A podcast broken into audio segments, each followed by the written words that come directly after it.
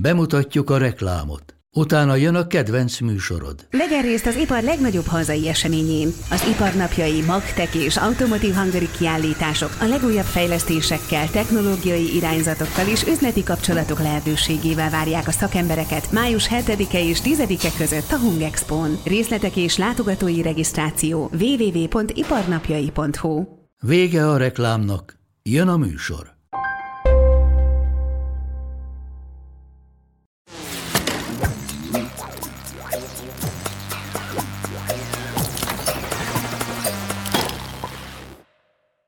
Üdvözlök mindenkit, ez itt az Index kibeszélő műsorának a rendszerváltás alsorozata, ahol szakmák neves képviselőivel beszélgetünk a 30 évvel ezelőtti rendszerváltásról. Ez egy műsor azoknak, akik átélték a rendszerváltást, és szeretnék felidézni a régi dolgokat, és egy műsor azoknak, akik nem éltek akkor, vagy még nagyon kicsik voltak, és szeretnék megérteni, hogy mi történt.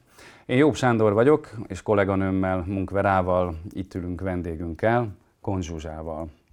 Köszönöm. Jó napot kívánunk! Talán nem kell senkinek bemutatnunk Konz Zsuzsát, de annyit azért elmondok, hogy az 1962-es Kimit Tudon kezdődött a karrierje, akkor a Berzsenyis gimnázium osztálytársnőjével énekelte el a Nagymami című számot, és azóta is iszonyú aktív. Amikor készültem a, készültünk erre az adásra, és felhívtam egy ilyen kis előbeszélgetésre, akkor is Bródi Jánossal ült egy stúdióban, vagy valamin éppen, éppen Dolgoztunk. dolgoztak. Igen. Ön egy tehetségkutató műsorban tűnt föl, vagy így, amit a ma, ma, ma tehetségkutató műsornak nevezünk, ez aki mit tud tulajdonképpen az volt. Milyen érzés volt 16 évesen bemenni a tévébe és föllépni? Hogy éltem el? Nem, nem volt semmi különös, jókedvűek voltunk, szerettünk énekelni, az Ágival nagyon sokat énekeltünk, és tanítási szünetekben például. És nem vettük az egészet komolyan, hát nem volt akkor még előzménye.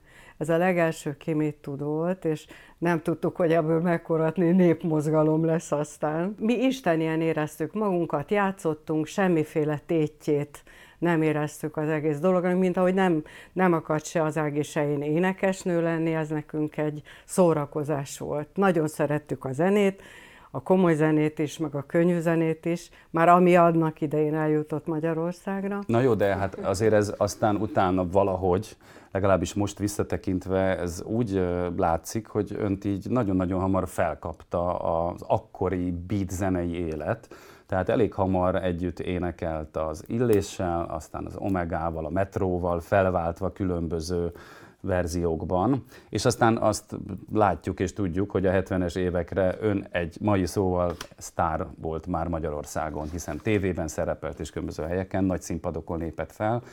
Szóval el tudom mondani, hogy így milyen volt a 70-es években a sztárság? Tehát, ha ön valahol megjelent az utcán, akkor mi történt? Összefutottak az emberek? Megrohamozták autogramért, ja, szóval sikítozó ez férfiak, nem a legkellemesebb ilyesmi. része volt a dolognak, mert ráadásul én egy olyan karakter vagyok, aki, aki a privát életét azért szereti privát életnek tekinteni, és nem a nyilvánosságnak szánja.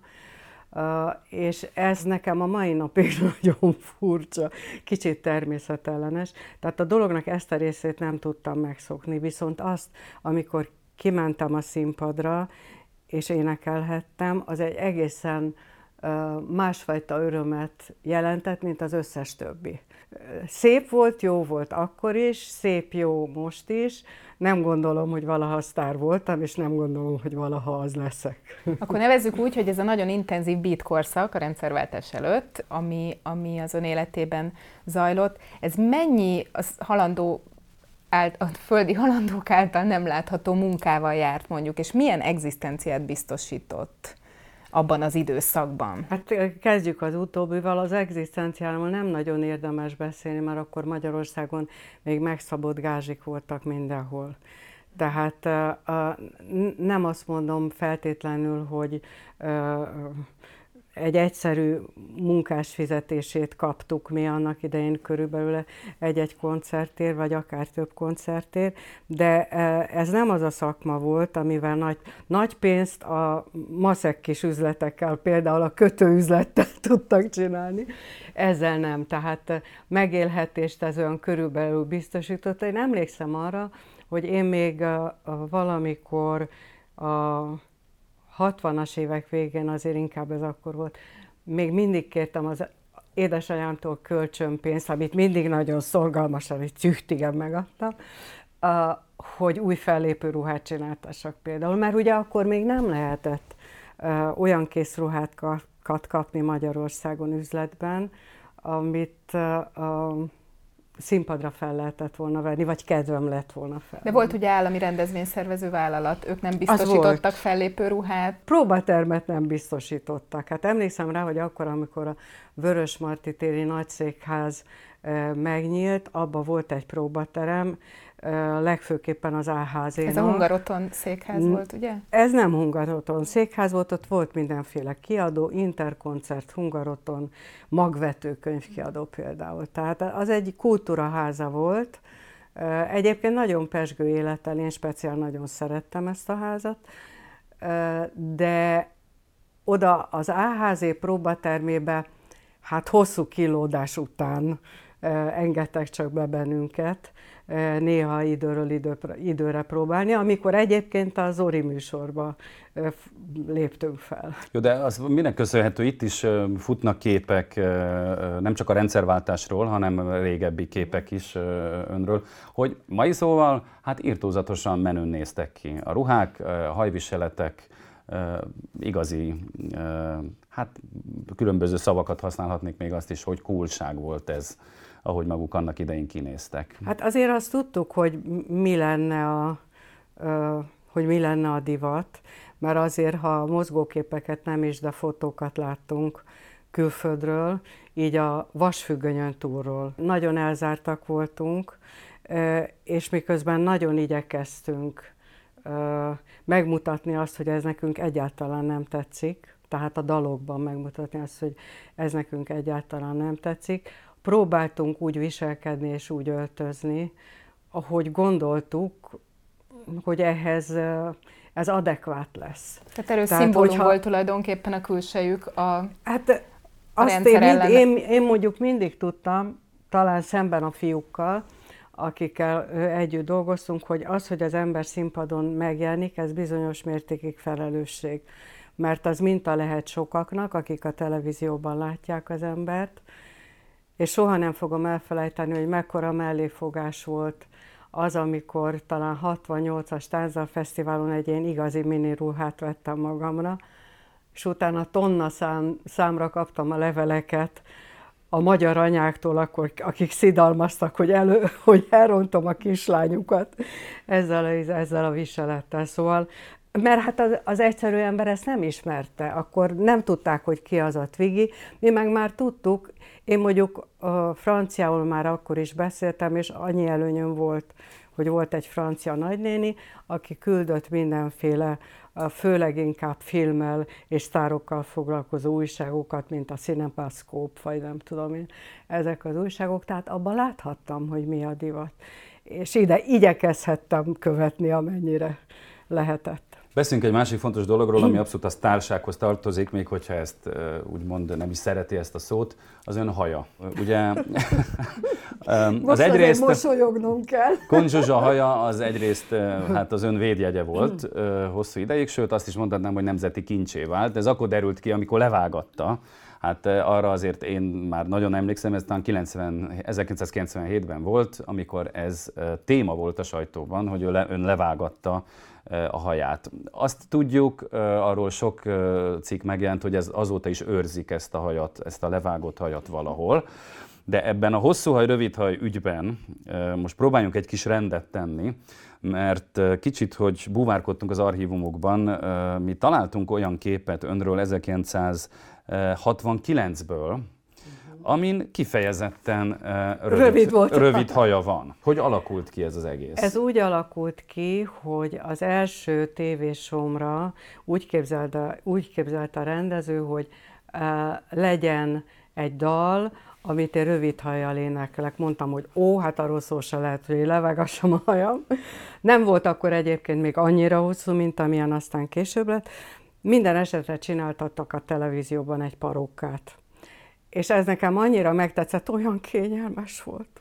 A rövid hajó oly kényelmes volt, hogy uh, aztán később ugyanazzal, aki ezt, a, ezt az eredeti parókát csinálta, megkértem, hogy csináljon nekem privátban egy ilyen parókát, és az az a, a képen, amit látni lehet. De ez, bocsánat, akkor már megkérdezem, hogy milyen alkalmakkor hordta ezt a fellépéseken Nem, is, vagy csak a csak privát, privát életben? Csak privát Aha. életben. Mellesleg egyébként én úgy kezdtem, hogy kamaszkoromban ilyen fiús, rövid kefefrizurám volt, mondhatnám így is. Hogy karolták föl akkoriban a tehetségeket? Mi múlott egyáltalán, hogy valaki fölkarol a rendszer, vagy a zenei szintér a rendszerváltás előtt, és hogyha valaki nem jutott lehetőséghez, hogy mondjuk a rádiókban, tévében ö, játszák a számait, akkor az, az miért lehetett?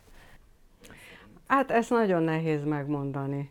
Ugye az én számomra itt személyesen feltétlenül nagy előny volt, aki mit tud. Amit én nem vettem komolyan, és soha nem is gondoltam, hogy az egy pálya kezdete lesz majd valamikor.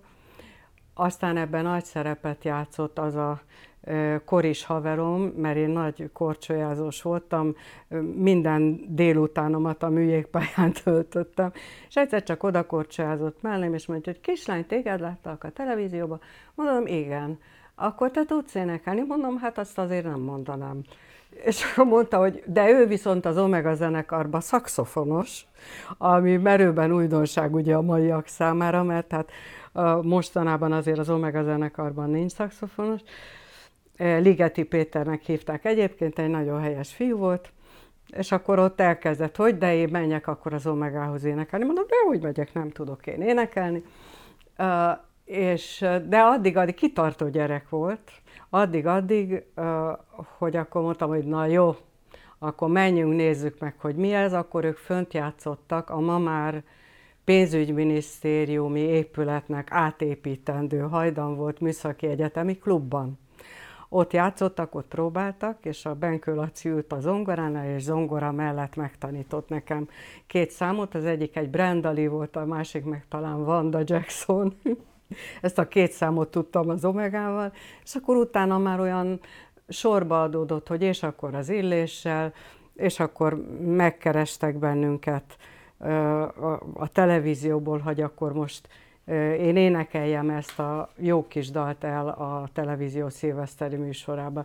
És így ránéztem, szövegkotta úgy, ahogy az lennie kell, és mondtam, hogy á, hát én ilyet nem, nem tudok én magyarul énekelni, mondtam, mert hát addig angolul énekeltünk csak.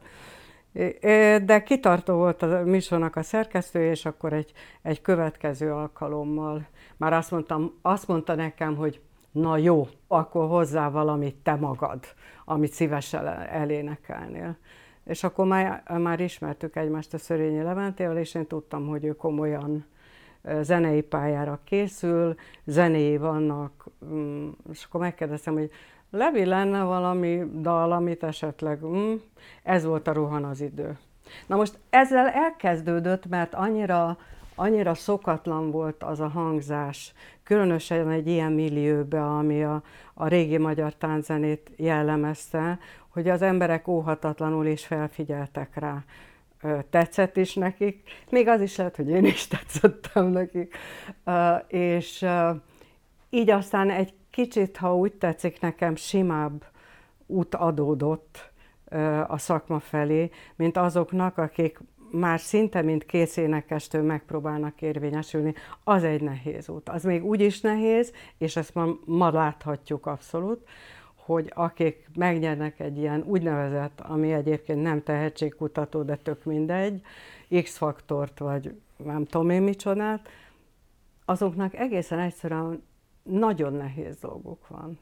Tehát akár jók, akár nem annyira jók, akár középszerűek, mindenképpen nehéz és nagyon kevés a lehetőség.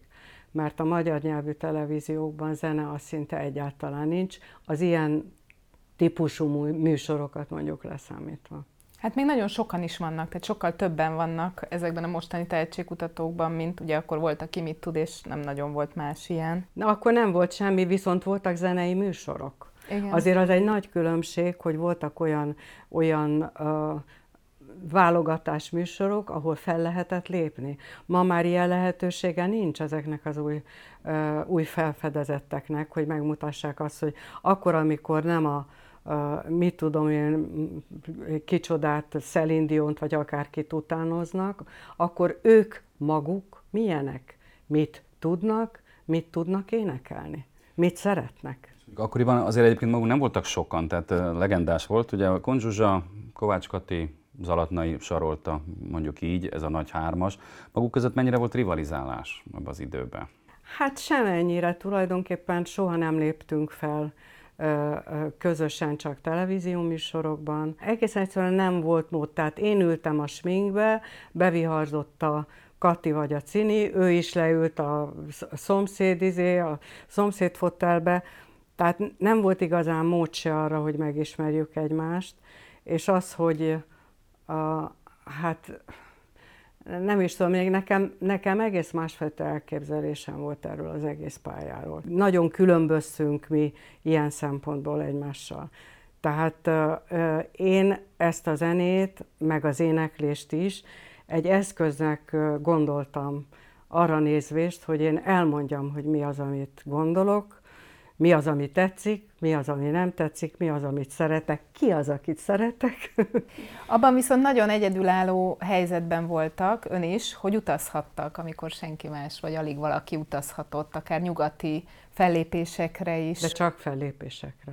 Tehát ez a privát életben semmiféle előnyt nem jelentett. A, ez azt jelentette, hogy ha engem mondjuk például a német vagy akár a francia televízió meghívott egy fellépésre, akkor ment a szerződés a koncertirodának, ők elintézték az útlevelet, ugye a piros útlevélbe egy pecsét úgy lehetett nyugatra utazni, és akkor mentünk. Én nem mondom azt, hogy ez például nekem nem sokat jelentett, sőt, azt kell mondanom, hogy például a televíziózást azt kint tanultam meg a franciáknál és a németeknél, akik hát azért sokkal előbbre jártak, mint mi. Emlékszik a legelső ilyen nyugati útélményre, vagy, vagy hogy ez mit érzett akkor, amikor átléphette a keleti blokk Hát először is szidriztem a határőröktől, itt kezdődött a dolog. Nem, mint hogyha bármit tilos holmi lett volna nálam. Azt hiszem, hogy sokkal nagyobb figyelmet kaptam talán, mint amit a dalok egyébként, vagy jó magam megérdemeltünk volna. Egészen hát, hogy a vasfüggöny mögül jön és beszél franciául, sőt, énekel franciául. Na jó, de hát ön tényleg tudott nyelveket, nagyon jól énekelt, várták is, akár Franciaországban, de tudom, járt az Egyesült Államokban, Rio de Janeiroban. Úgy soha nem fordult meg a fejében, hogy hát ott marad, akkori szóval diszidál, és ott Hát most már új kicsit bánom, de soha. Mi? Az, az az igazság. Igen, inkább a magyarországi nem... népszerűséget ne, Nem, hanem egészen egyszerűen én úgy uh, ide vagyok nőve ehhez a dologhoz. Tehát egyrészt, egyrészt az anyanyelvemhez, másrészt, ha úgy tetszik, a bródi szövegekhez, amelyek hát azt fejezték ki, amit magam is gondoltam, és hogy én ezeket énekelhetem, én ezeket nem kettő, hanem sok embernek énekelhetem.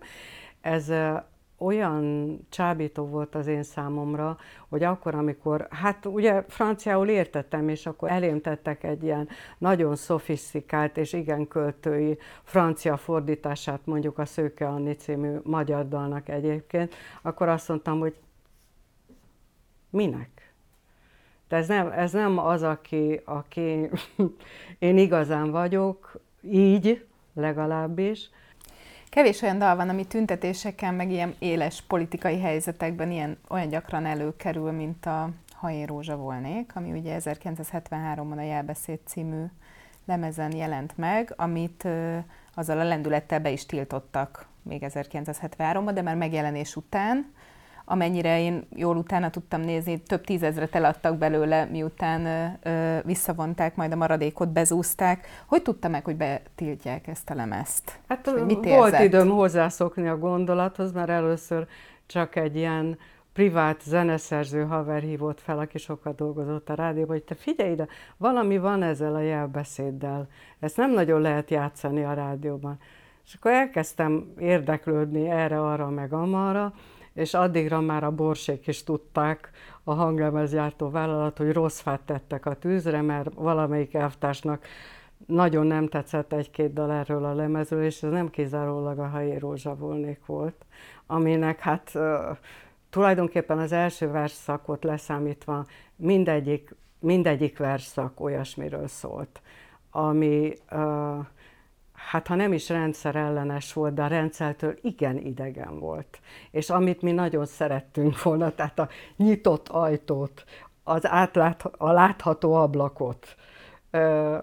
Szóval, és hát ugye ráadásul ez egy ilyen viszonylag kényes időszakban jelent meg, amikor a, ugye a csehszlovák bevonulás után hát e, elvtársilag Moszkvából szorítottak a helyzetünkön már nem a mi helyzetünkön, hanem ugye egyáltalán az egész szocialista tábor helyzetén. És a, ezekben az időkben úgy tűnik, hogy lehetett kereskedni elvtársaknak azzal, hogy de hát ezt nem lett volna szabadán megjelentetni, és miért el ez a kislány ilyen dalogat? Valószínűleg nincs olyan ember, aki ezt a dalt ne ismerni, de akkor most nézzük meg, hogy a Hanyi Rózsa mi lehetett akkoriban a cenzorok baja. Ha én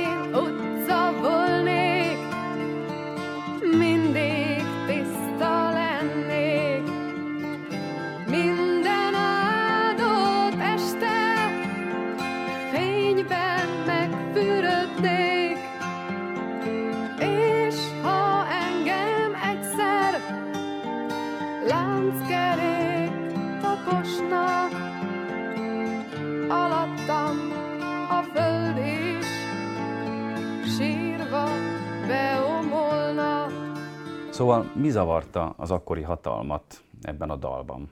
Hát ebben a dalban speciál minden. Ugye a második verszak, az első verszak az talán elég neutrális, de mondjuk a második verszak a nyitott ajtó, az a vasfüggöny miatt ugye a nyitott határ.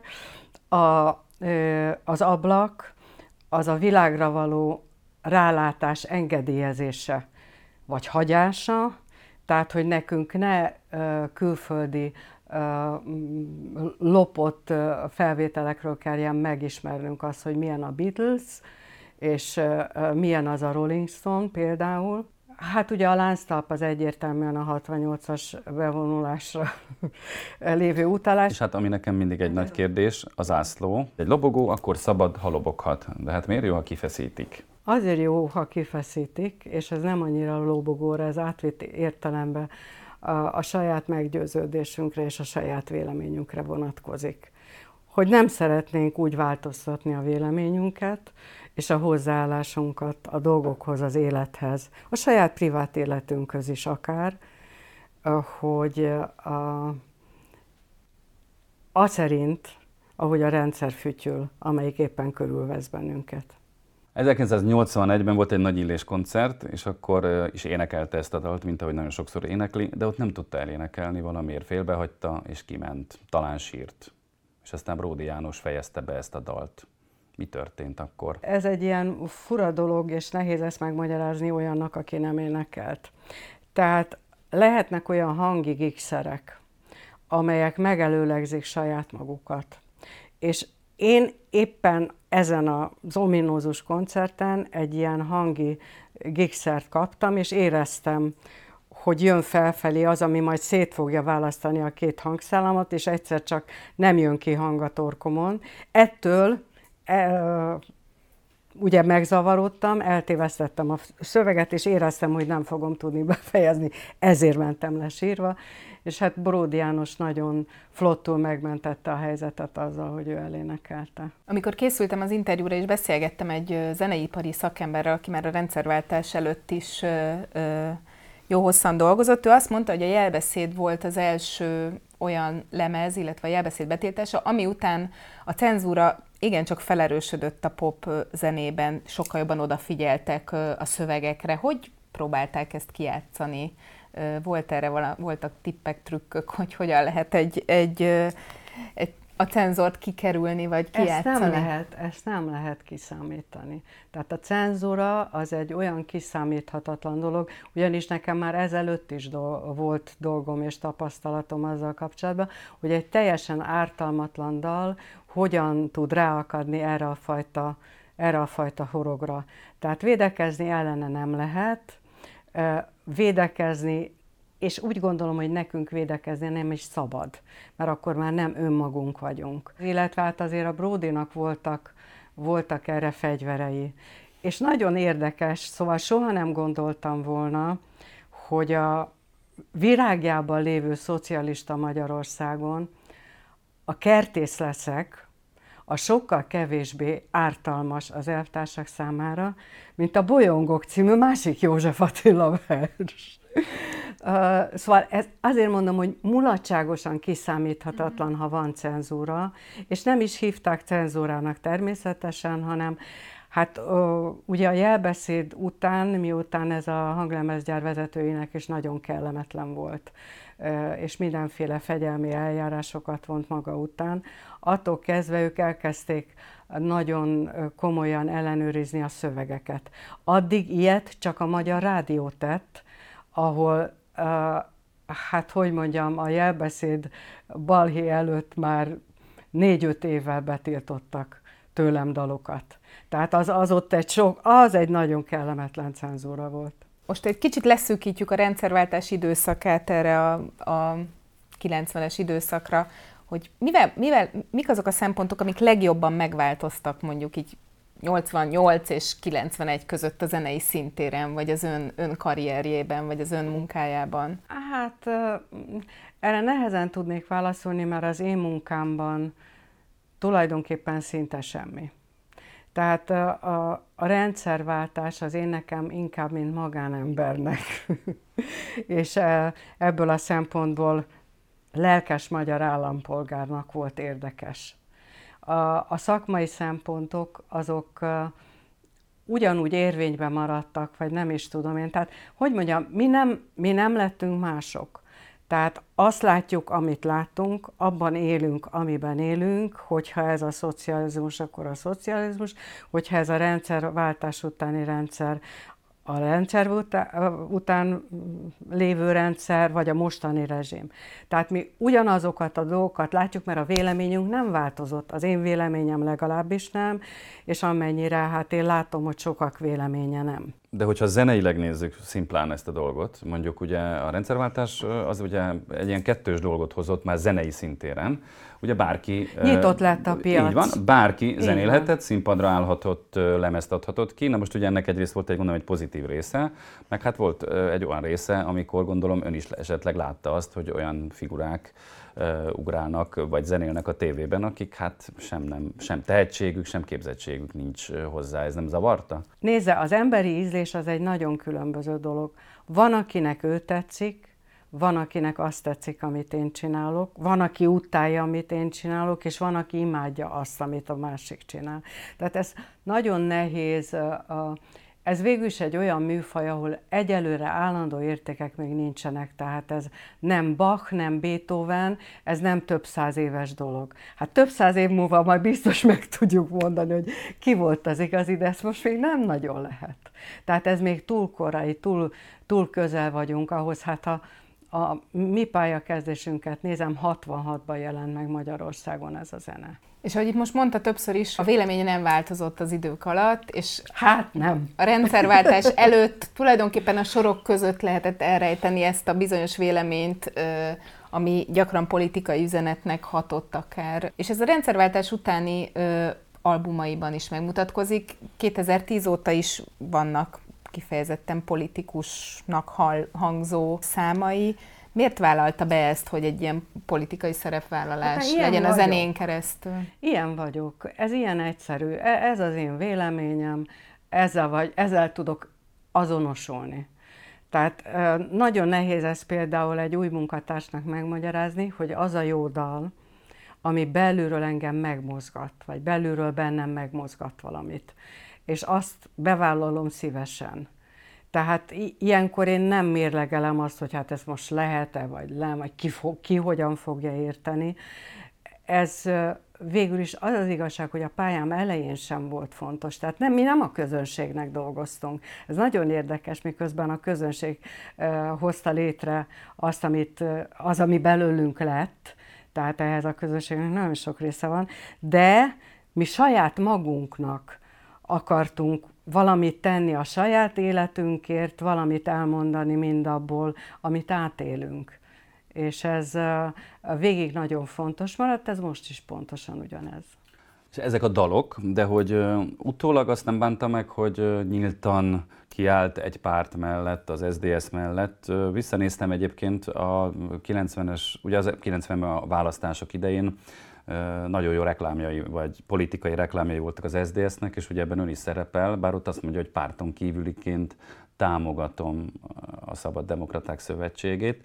Szóval, hogy ezt nem bánta -e meg? Ajaj, abszol, abszolút nem egyrészt, másrészt pedig, ha, ha csak az én emlékezetem nem csal, ez a négy igenes választás környékén volt, amikor nekem, mint hajdanában jogot tanult embernek is, az volt a, az alapvetően privát véleményem is, hogyha most van egy tabuláráza, akkor az mindenben legyen. Az legyen a köztársasági elnök személyében is például. Tehát a négy igenes választás egyik kérdése arra vonatkozott. És hogyha ez egybevág az én saját... Én egyébként nem voltam soha, soha nem voltam kapcsolatban ezekkel a fiúkkal, mint ahogy a régiekkel se igazán, tehát én nem, nem forogtam ilyen körökben. Nekem egészen egyszerűen tetszett, én egy szabad gondolkozású ember voltam, világéletemben kicsit öntörvényű is, és uh, uh, ahogy ők kifejezték a világlátásukat, amit ők elképzeltek abból, amit aztán végül nem csináltak meg, legyünk őszinték, mert ilyen van, ez a politika, ez a való világ, uh, az az nekem nagyon szimpatikus volt, és nagyon közel állt, ha nem is volt azonos, de nagyon közel állt ahhoz, amit én a világról gondoltam, és amilyennek én a világot szerettem volna. És ha én úgy érzem, hogy valami kikívánkozik belőlem, akkor nem mérlegelem azt, hogy most majd ehhez ki mit fog szólni, és én azt remélem csak, hogy az én közönségem azt tudta szintén ugyanígy mérlegelni a dolgokat. Hiszen nem véletlenül uh, voltak a sportcsarnoki koncertek az utolsó tíz évben is tele. Tudom, hogy nem szeret erről beszélni, úgyhogy ez nem is ö, ö, vájkálnék ebben, csak annyit kérdeznék, hogy a baráti kapcsolataira hogyan hatott a rendszerváltás. Alkotótársa volt például Szörényi Levente, hogyan alakult a kettejük barátsága vagy, vagy kapcsolata a rendszerváltás miatt, után? Erre nagyon nehéz válaszolni, hiszen a Levente érdeklődése a három perces dalok iránt, amiket ugye én éneklek, ezt így hívjuk, ezek külön dalok, már jóval a rendszerváltás előtt elveszett. Tehát attól kezdve, hogy az István a királyt megírta, ő szólódalokat már nem nagyon írt. Én ugyan szerettem volna, talán a Fordul a világon, vagy nem tudom én már melyik lemezemen, hogyha ő, hogyha ő ír dal, de én elfogadtam azt, hogy ő nem ír. Hogy ő három perces dal, dalt nem ír, maximum talán még egy szólólemez csinál, de az is lehet, hogy tévedek most, azt hiszem, ezt azért nem tartom annyira számon. De ő saját magának sem írt három perces különálló dalokat. Ő elkezdett egy ilyen nagy ö, megakonstellációban gondolkozni, és attól kezdve ezeknek a dalocskáknak vége lett. Úgyhogy uh, ne, nem tudom, hogyha, hogyha ez másképp alakul, akkor hogy kétségtelenül, hogy a véleményünk eltérő volt egymástól a rendszerváltástól is, és attól is, hogy, hogy ki hogy, kiről hogyan vélekedik. Erről eset is volt 2014-ben, hogy lemondta a koncert fellépést önnél, ha, ha, minden, ha ezt jól tudom. Aha, az nagyon érdekes volt.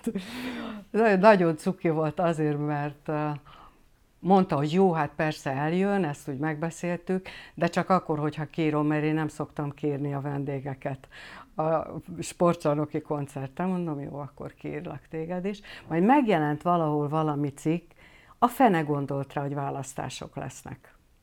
És akkor erre, erre kikiáltották azt, hogy ez, hogy, hogy ez választási izé lesz, és akkor a Levente rájött arra, hogy hát ő azért inkább jobboldali, vagy nem tudom, ezt nem beszéltük meg, ő írt nekem egy nagyon helyes privát levelet, én írtam neki egy nagyon helyes privát levelet, és ez a dolog le van zárva. azt kell mondanom, és mélyen és őszintén mondom, hogy én nagyra becsülöm a Leventét, és én pontosan tudom azt, hogy én ennek a szakmának a nagy részét tőle tanultam. Tehát azzal, hogy a kezdeti lemezeket együtt csináltuk, a, az az én számomra egy nagyon komoly iskola volt. Mondhatjuk úgy is, hogy helyettesített minden más zenei tanulmányt, és egy pillanatig se érzem, a mai napig se, hogy nekem bármi bajom vele lenne. Sőt, ma is nagyra becsülöm, úgy gondolom, hogy én hálás lehetek neki, pont. Egy korábbi nagy interjúban azt felfigyeltem egy, egy érdekes részletre, hogy azt mondta, hogy, hogy a nők szerepe a Magyarországon a rendszerváltás előtt fényesebb volt, mint a rendszerváltás után.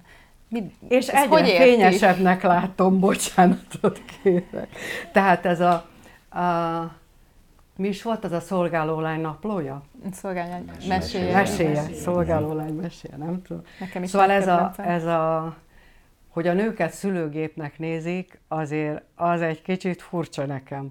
Tehát nekem jobban, még a traktorista is jobban tetszett, mint nő. Arról nem beszélve, hogy volt nekem egy barátnőm, aki, a, aki malévpilóta volt például. Tehát, hogy, hogy tulajdonképpen a nők előtt az előző rendszerben jobban nyitva állt a világ. Nem véletlen az, hogy vannak olyan helyek, akik egy sokkal edukáltabb, kulturáltabb ország adott esetben, mint ami nálunk uralkodik, és kvóta van a politikában például, és a nagyvállalatok vezetésében arra nézvést, hogy a nők megbecsültebb helyzetbe kerülhessenek. De viszont ha arra gondolok, hogy 1920-30-ban még a szüfrezset mozgalom azért küzdött, hogy a nőknek legyen választójoga, akkor azt mondom, hogy minden tökéletesen rendben van. Nagyon köszönjük Konz Zsuzsának a beszélgetést. Én is köszönöm a meghívást. Köszönjük szépen. Az Index kibeszélő műsorának rendszerváltás alsorozatában többek között beszélgetni fogunk még Koltai Robert színművésszel, Bolyár Gábor vállalkozóval, Szelényi Zsuzsa rendszerváltó ex-politikussal, és a török Ferenc Fábián László öttusázó olimpikon párossal is. Viszontlátásra! A műsor a Béton partnere.